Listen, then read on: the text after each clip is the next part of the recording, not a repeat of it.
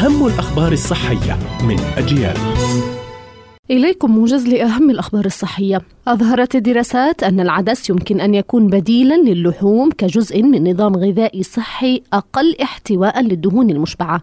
وهو مصدر كبير لحمض الفوليك الذي يمكنه تعويض أنواع فقر الدم وفيتامين بي والألياف الغذائية.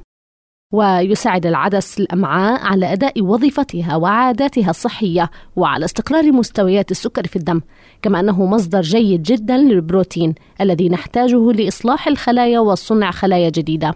أعربت منظمة الصحة العالمية عن أملها بأن لا يظل كوفيد 19 وجدر القردة حالتي طوارئ صحيتين عالميتين في عام 2023 الذي تتوقع فيه أن ينتهي هذان المرضان مرحلتهما الأكثر خطورة.